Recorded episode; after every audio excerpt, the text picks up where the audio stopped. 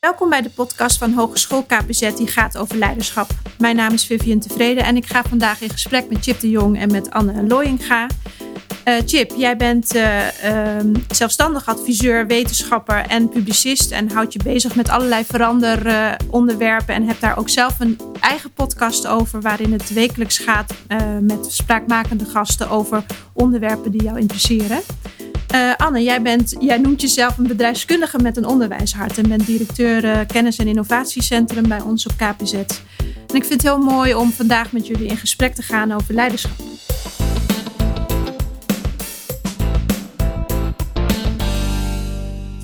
Eigenlijk wil ik jullie allebei uh, de vraag stellen van, goh, zou je misschien, misschien jezelf nog iets meer kunnen introduceren? en daarna ben ik benieuwd naar de vraag, wat is leiderschap voor jou?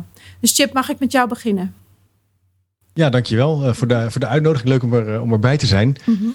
Ja, um, ik, ben, uh, ik heb overigens ook bedrijfskunde gestudeerd. Uh, anders dat is wel interessant als, als achtergrond. Wel wel een verbinding. En ja, ik ben ontzettend gefascineerd door onderwijs. Ik denk dat onderwijs eigenlijk in het hart van de maatschappij staat. Alles, als het gaat over wat er van de uitdagingen die er vandaag de dag spelen, kan je wel terugzien in scholen, in samenleving, in ROC's, in hogescholen, universiteiten. Mm -hmm. Dus daar kom ik heel graag. En uh, ik hou me dan specifiek bezig met, uh, ja, met verbeterprocessen of veranderprocessen. Mm -hmm. Soms wil je een bepaalde koers verzetten of vind je het belangrijk om iets neer te zetten. Iets wat er nog niet is. Mm -hmm. Een innovatie of een vernieuwing. Een integraal kindcentrum bijvoorbeeld. Of een brede school, welk woord je eraan wil geven. En dan, ja, dan komt leiderschap natuurlijk wel om de, om de hoek kijken. Uh, het kan le leiderschap zijn in termen van je bent bestuurder of directeur, maar het kan natuurlijk ook leiderschap zijn teamleider of je bent een collega in een team en dan wil je iets bereiken. Ja. En daar gaat leiderschap dan wel voor mij over. Dat vind ik dan wel, ja, ik vind het heel fascinerend om te zien van ja, hoe kan je dat nou eigenlijk doen? Hoe kan je invloed nemen in je omgeving? Mm -hmm. uh, en, de, en de verbinding houden met je collega's om, om aan, aan duurzame vraagstukken te werken. Oké, okay, mooi. Ik hoor meteen interessante dingen, maar ik wil eerst even het woord geven aan Anne. Hoe, uh, hoe jij kijkt naar leiderschap en misschien jezelf even kort verder wilt introduceren. Ja, uh, inderdaad ook een bedrijfskundige achtergrond. Sinds tien jaar in dienst hebben bij de Hogeschool KPZ. Uh, daarvoor bijna twintig jaar bij een onderwijsadviesbureau uh, gewerkt. Uh, inderdaad een onderwijshart, maar vanuit een maatschappelijk ondernemerschap. En ehm, de uitdaging en ook, eigenlijk ook de link naar leiderschap is van hoe doorbreek je nu hardnekkige maatschappelijk-sociale vraagstukken mm -hmm. in het belang van kinderen. Dus dat gaat uh, soms nog iets verder dan onderwijs, maar wel vanuit zeg maar, de ontwikkeling van, uh, van kinderen. Uh, en de kern van leiderschap is van hoe lang hou je het vol om het daadwerkelijk te doorbreken. Is dat voor jou herkenbaar, Chip? Wat, wat Anne zegt, hoe herken je of hoe doorbreek je hardnekkige problematiek? Nou, ik denk het. Um mensen die samenkomen, die werk gaan organiseren, die gaan op een gegeven moment, nadat ze gaan vernieuwen, ook dingen optimaliseren. En dingen in procedures schieten, dingen uitwerken in afspraken. Want je wilt dingen, werkzaamheden slimmer doen. En dan ga je op een gegeven moment ook weer last van krijgen. En naarmate je langer in diezelfde structuur zit, dan wordt, wordt die last soms erger. Dan krijg je aspecten als cultuur of, of starheid of stagnatie. En daar moet je dan proberen door, ja, doorheen te breken. En ik, ik zie heel veel uh, schoolleiders en, uh, en schooldirecteuren daarmee worstelen toevallig net nog een gesprek met een collega van een, uh, van een groot ROC. Waarin in het MBO beroepsonderwijs gepersonaliseerd leren en flexibilisering een hele belangrijke rol speelt. Mm -hmm. um, ja, en hoe doe je dat nou eigenlijk als je ook het rooster wil aanpassen? En als je een collega tegenkomt die zijn werk gewoon gaat over dat rooster heel precies doen. En die wil helemaal niet veranderen, want die denkt, ja, ik heb het daar net in de smiezen. Mm. of als het gaat over de HR-cyclus gekoppeld aan flexibilisering. Dus dan krijg je al meteen allerlei facetten die bij elkaar komen. En ik denk dat herken ik helemaal in wat, wat Anne ook vertelt. Ja, dat wil je doorbreken. Uh, maar het is er nog niet. Nee. Uh, de, en dat is meteen het, het lastige aan, aan, aan, aan leiding geven aan verandering. Oké. Okay. En hebben jullie daar allebei dan ideeën over hoe je dat doorbreekt? Hè? Want jij herkent wat Anne zegt, het doorbreken van patronen. En je geeft ook een paar hele mooie voorbeelden. Hoe doe je dat dan als leider om die patronen te doorbreken of te vernieuwen of te innoveren, zoals jij net zei, Chip? Nou, misschien is wel een van de. Uh, je doorbreekt het zelf niet. Mm -hmm. Alleen je kan alleen maar uh, het beïnvloeden doordat andere mensen het kunnen doorbreken. Dus het uh, ook een stuk vertrouwen geven dat mensen zeg maar, ehm, innovaties, veranderingen zeg maar, vorm kunnen geven. Ehm, ja, en dat gaat dus niet altijd vanzelf en niet altijd goed. Mm -hmm. dus dat mensen nou mogen proberen, zeg maar, uitproberen zeg maar, in het belang van kinderen. Dus het is geen experiment. Maar je probeert wel zeg maar, patronen te doorbreken om uiteindelijk die verbeteringen zeg maar, te realiseren. Nou, en hoe stimuleer je dat? Hoe creëer je dat? Hoe geef je nou ja, daar, daar sturing aan? Oké, mooi. Mooi. Dus je zegt eigenlijk van je moet eigenlijk anderen faciliteren om dat te gaan doen. Ja. Is dat ook jouw ervaring, Chip? Ja, ik denk zeker dat punt van vertrouwen. Je moet wel met elkaar een gevoel hebben van uh, uh, we durven iets aan. We gaan het eens uitproberen. We gaan eens verkennen hoe mogelijk die toekomst we dat wat naar, dichter naar nu kunnen halen. Ja. Ik denk een ander punt wat ik nog wel zou willen toevoegen is dat uh, dat zie je ook wel in, de, in, in, leiderschap, als het gaat over leiderschapsontwikkeling. De neiging is wel bij leiderschap het hebben over straks en anderen. Mm Dus niet over mijzelf. Mm -hmm. uh, hè, dus ik ben een hele goede ouder en anderen zijn dan niet zulke goede ouders. Hè. Maar het spannende is natuurlijk bij leiderschap het naar het nu te halen. En te kijken, wat doe je eigenlijk nu? In het, wat doe je nu waardoor je het patroon vasthoudt? Okay. En ik denk dat dat is de rol van een... Uh, in mijn, dat zal denk ik Anne wel herkennen als adviseur. Kan je dat vaak doen? Dan kan je iemand confronteren, aanspreken, ja. helpen, uh, complimenteren. Maar leiderschap is denk ik ook uh, doen wat je zegt. En in het moment proberen het anders te doen. En wat mij wel opvalt, en dat is ook wel in onderwijs iets waar we... Wat we is ook wel een escape, hè? het over straks te hebben. Oké. Okay. Maar als je wil veranderen, dan moet je natuurlijk proberen eigenlijk in dat moment, in die vergadering, Mm. aan die tafel of met die uh, wethouder, uh, daar een ander gesprek te voeren. En dat is wat mensen wel, dat is ook een beetje ongemakkelijk soms. Ja. Hey, en uh, wat ik mooi vind, Chip, je geeft een aantal voorbeelden vanuit het onderwijs, hè, waarin je de vraagstukken ziet die je benoemt. Anne, jij bent directeur van onze hogeschool en vervent voorstander van samenwerkingsvormen uh, binnen onderwijs. We zijn onderwijs als onderwijssetting een deel van waar kinderen ontwikkelen en opgroeien. Uh, wat voor vraagstukken zie je eigenlijk in de samenwerking tussen onderwijs en bijvoorbeeld kinderopvang of uh, jeugdhulp of, welzijnsorganisaties? Uh, gelukkig een beweging dat nou, er steeds meer belangstelling voor elkaar is. Belangstelling naar elkaars professies, naar elkaars uh, vraagstukken. Uh, dat we soms denken dat we elkaar begrijpen. Zelfs door twee dagen zeg maar, intensief met elkaar zeg maar, uh, samen te werken. En aan het eind van de twee dagen afspraken te proberen te maken. En elkaar dan toch niet begrepen hebben. Uh, dus hoe vind je nu die tussentaal, die tussensectoren, tussenprofessionals nou, groeit, ontstaat. Dat is volgens mij een belangrijke. Uh, maar vooral belangstelling um, en nou ja, zeg maar, dat wederzijds zeg maar, um, uitwisselen van elkaars vragen. Mm -hmm. Ik denk dat dat zeg maar, een van de belangrijkste vraagstukken is. Ja. En die belangstelling ontstaat gelukkig steeds meer. Hey Chip, jij geeft bij ons in de masterles hè, over juist dat stuk wat Anne benoemt. Hè, belangstelling voor elkaar, elkaars taal leren begrijpen. Uh, we hebben de master inmiddels sinds 2018 en jij bent er eigenlijk vanaf de start bij betrokken geweest. Wat zie je bij onze studenten? Zijn die inmiddels een beetje in staat om een andere taal te spreken, elkaars taal te leren begrijpen of naar elkaar te luisteren en belangstelling te hebben? Ja, ik denk het wel. Ik, ik, ik, heb, het, uh, ik heb echt heel veel plezier uh, aan het begin van die master uh, met jullie opgetrokken. En ik heb ook wel gezien dat de deelnemers ook, ja, we noemen dat een kernopgave, een vraagstuk hebben. Mm -hmm. Wat echt over de grenzen van hun school heen gaat. Okay. En, ze, en, en ik zie ook wel dat steeds meer leerkrachten, formeel, informeel leiders, schoolleiders als informeel leiders, zien dat um, je niet alleen maar in die interne organisatie eruit gaat komen. Je hebt soms echt jeugdzorg nodig of bijvoorbeeld de bibliotheek of uh, uh, de medezeggenschapsraad. Of buiten de grenzen en over de grenzen van die organisatie heen te gaan.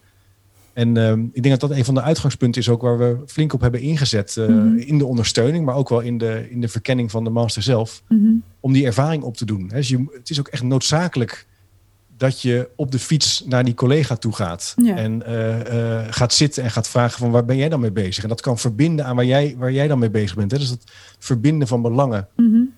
En ik zie, ik zie sommige uh, collega's vinden het ook wel spannend. Ja. Want ja, betekent dus dat je eigenlijk uh, ja, dus uit dat kantoortje moet en Mhm. mm -hmm. ja, op pad gaat. Dat is best wel eng. Mm -hmm. Maar ja, we weten ook wel uit onderzoek dat voor vernieuwing is die blik naar buiten ontzettend Echt belangrijk. heel erg nodig. Ja. Dus dat, hey. ik vind dat wel heel sterk, sterke opkomst de ontwikkeling als ik kijk naar de, naar de deelnemers. Ja, ja, mooi om te horen.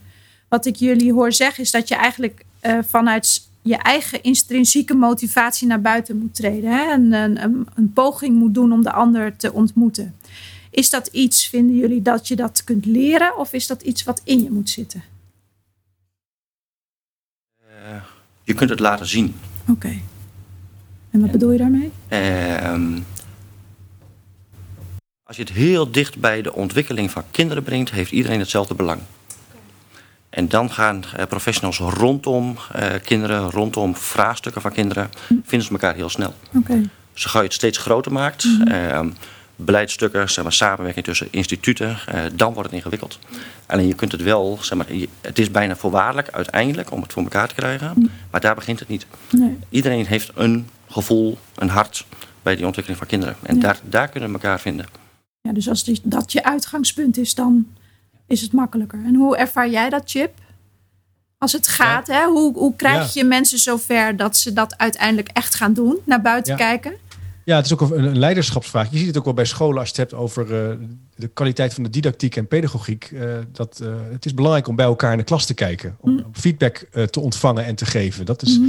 een, een professionele school, daar is dat, zit dat in het DNA. Dat verschil kan je. Verschil, ik wil niet zeggen dat elke school die dat doet goed is, maar het maakt wel heel veel uit of, of, of je dat voelt in een school. Mhm. En dat is ook met innovatie zo, dat je die blik naar buiten, actiegerichtheid en blik naar buiten is een van een, is een hele sterke voorspeller van innovatie. In ieder geval in de commerciële wereld, maar dat zie je ook wel. als Het gaat over innovatie in, de in het maatschappelijke domein. Ja, Eh, ik denk dat je dat moet leren, dat je dat Mhm. ook moet, je moet ook zien dat het werkt. ja, Ehm, en ook, eh, eh, ja, de ene he- heeft het wat meer dan de ander. Mm. Dus je hebt collega's die hebben, ja, die gaan doen dat makkelijker. ja.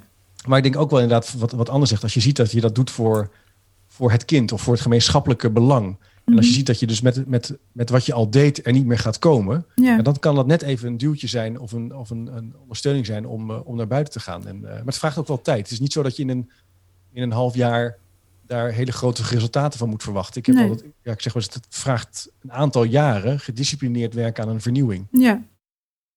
Jij wil daar iets aan toevoegen? Ja, ik, mij? ik denk dat het zeg maar, ehm, leiderschap dan ook, zeg maar, ehm, het hoeft niet altijd complimenten te zijn, maar bevestigen van wat, er, wat er lukt en wat er slaagt. Ja, Ja. En we zijn nog wel eens geneigd om ehm, vooral te benoemen wat er dan nog niet lukt. En eh, vanuit datgene wat eh, die kleine stapjes, ehm, het cumulatief van die kleine stapjes, dat geeft daadwerkelijk zeg maar, een verandering of een innovatie. Eh, en niet de grote innovatie op zich. nee. Alleen dat, eh, dat, dat vraagt dus het volharding, ehm, het hardnekkige, Mhm. maar wel dat ook benoemen en bevestigen. Ja. Volharding is sowieso wel een interessant concept volgens mij in leiderschap. Hè, Daar zijn heel veel boeken over geschreven hoe je dat nou eh, voor ogen eh, zou moeten ontwikkelen. Hey, ik las eh, gisteren in de krant een hele interessante discussie. Daar wil ik het nog even met jullie over hebben. Over het feit dat in Nederland eh, de ehm, doorsturen van. eh, eh, eh, sorry. Leerlingen worden heel snel eh, vroeg gesignaleerd naar het VO. En dat wij in Nederland eigenlijk de enige, het enige land zijn waar dat zo vroeg eh, gebeurt. Als je daar vanuit jullie eh, ideeën over leiderschap naar kijkt, wat is jullie mening daarover? Ja, dat is een hot, hot item Ja, klopt. in, de, in, de, weer- in Nederland nu. Er zijn Ja. heel veel studies naar gedaan. dus dat wij nou, te vroeg selecteren. Hè, waardoor kinderen Ja. eigenlijk al in een groef zitten en daar heel moeilijk uit, uit kunnen komen. Mhm. Ehm, ja, ik ben toevallig betrokken geweest bij de toekomst van onderwijs. Dat was vorig jaar een eh, onderwijsmanifest waar allerlei partijen nadachten over eh, ja, onderwijs van de toekomst. En eh, om ook invloed te nemen om daar politiek ook meer ruimte voor te maken. Wat ik daar interessant aan vond, gekoppeld aan jouw vraag over leiderschap, is dat er eigenlijk al in Nederland best wel een aantal hele mooie initiatieven zijn. Mm. Van verlengde brugklas of Ja. ja. Groep 10 tot 9, 14 andere scholen. ideeën. Ja, precies. Wat, wat zei je, sorry? 10 tot 14 scholen 10 bijvoorbeeld. tot 14 scholen. En als Ja. je dat zo optelt, denk je echt eh, ook weer aan wat anderen net zijn. Denk je, wow, er gebeuren best wel mooie dingen. Mhm. Eh, en de neiging is dan wel in Nederland om te denken, ja, het moet helemaal op de schop. Het hele Mhm. systeem moet om. Ja, En ik vind ook wel bij innovatie, dat, dat bekt ook wel lekker. Hè? Alles moet anders. ja, Maar de, de meeste grootschalige innovaties hebben natuurlijk, ja, die leiden vaak niet tot de gewenste resultaten. En ik zou eens denken, ja, die kleine successen, als we dat nou eens groter maken. Mm. Kijk wat er re- regionaal werkt. Van ja, elkaar leren. Plat jatten, hè? afpakken van wat Ja. er al werkt. ja, Daar kan je misschien veel verder mee komen. Wat Hm. betreft het punt van vroege selectie. ja. En jij dan, Anne? Ehm, nou, vanuit een master geredeneerd eh, kijk ik dan zo nu en dan met verbazing naar de onderzoeken die eronder liggen. Oké. Ehm, omdat zeg maar, de sociaal, nou ja, zeg maar, economische verwachtingen van ouders en dus ook van leraren regionaal zo bepalend zijn. Ja, Dus dat in bepaalde regio's zeg maar, al tientallen jaren er een te lage verwachting is van kinderen. ja. Ook van hun eigen kinderen, van Mhm. hun eigen leerlingen. Mhm. En dat in een aantal andere regio's de verwachtingen Veel te hoog veel zijn. te hoog zijn. Ja, Dus wij ehm, stellen kinderen eigenlijk zeg maar, eh, bloot aan zeg maar, ehm, nou ja, historisch bepaalde Mhm. zeg maar, tradities en cultuur. En we weten dat eigenlijk niet te doorbreken. Dus als je het wil doorbreken, moet je bijna tientallen jaren terug in een regio Ja. hoe dat is ontstaan. ja, dus de geschiedenis erkennen en van daaruit de oplossing zoeken. Ja. Ja. Maar betekent dat dan dat jij voorstander bent van vroeg signalering en daarbij dus ook op een andere manier leren signaleren? Of is het juist in het voordeel dat je daar langer mee wacht, zodat je meer kans hebt om het juiste uit het kind eh, naar boven te laten komen? Ik heb eigenlijk geen idee. Nee. Het zou een mooi onderzoek zijn. Ja, zeker. Eh, Ja. Nee, ik heb, ik heb er niet een uitgesproken mening over. Ik denk dat het ook heel erg zeg maar, ehm, nou ja, bepalend is zeg maar, de, de aard. Zeg maar, eh, dus op welke manier je het, het zeg maar, terechtkomt. Mhm. Eh, daar zit het eh, cognitief in, daar zit het advies in, daar zit begeleiding in. Maar dat de overgang te groot is. Ja. En dat er te weinig mogelijkheden zijn om tussentijds nou ja, zeg maar, ehm, over te stappen of terug te komen op het Ja. advies. Ja. Dat, dat is heel duidelijk. Het is te lineair. Ja, ja, precies. Ik denk wel dat we, om daarop aan te sluiten, dat punt van de, de integrale kindcentra's bijvoorbeeld en de Mm. verbinding met voorschool en naschool Ja. ook een manier is om kwetsbare kinderen eh, Mm. meer, meer te ondersteunen en te helpen zodat die ja, ja, dat, er, dat, dat ze meer kunnen. En dat ze Ja. dus ook succesvoller gaan zijn eh, in hun school. En niet, niet in termen van, eh, van de CITO-score, maar gewoon goed kunnen lezen, goed kunnen schrijven, goed kunnen rekenen. Ja, Zodat je daarmee ook een, een fijner advies krijgt wat past bij wat je, waar, je, Ja. waar je zin in hebt. En, eh, en dus een passende vervolg eh, middelbare school kunt kiezen. ja. Daar ben Mooi ik wel dat je dat enthousiast noemt. over. Dat is ook Ja. een belangrijke functie van de IKC, hè? om de kansengelijkheid eh, beter te, te reguleren in ons land. Nou, volgens mij is dat een hele mooie afronding van ons gesprek. Dankjewel Chip voor je tijd. Anne, jij ook voor je tijd. En eh, heel fijn dat jullie mee wilden werken aan, deze, aan dit gesprek over leiderschap. Dankjewel. Dankjewel.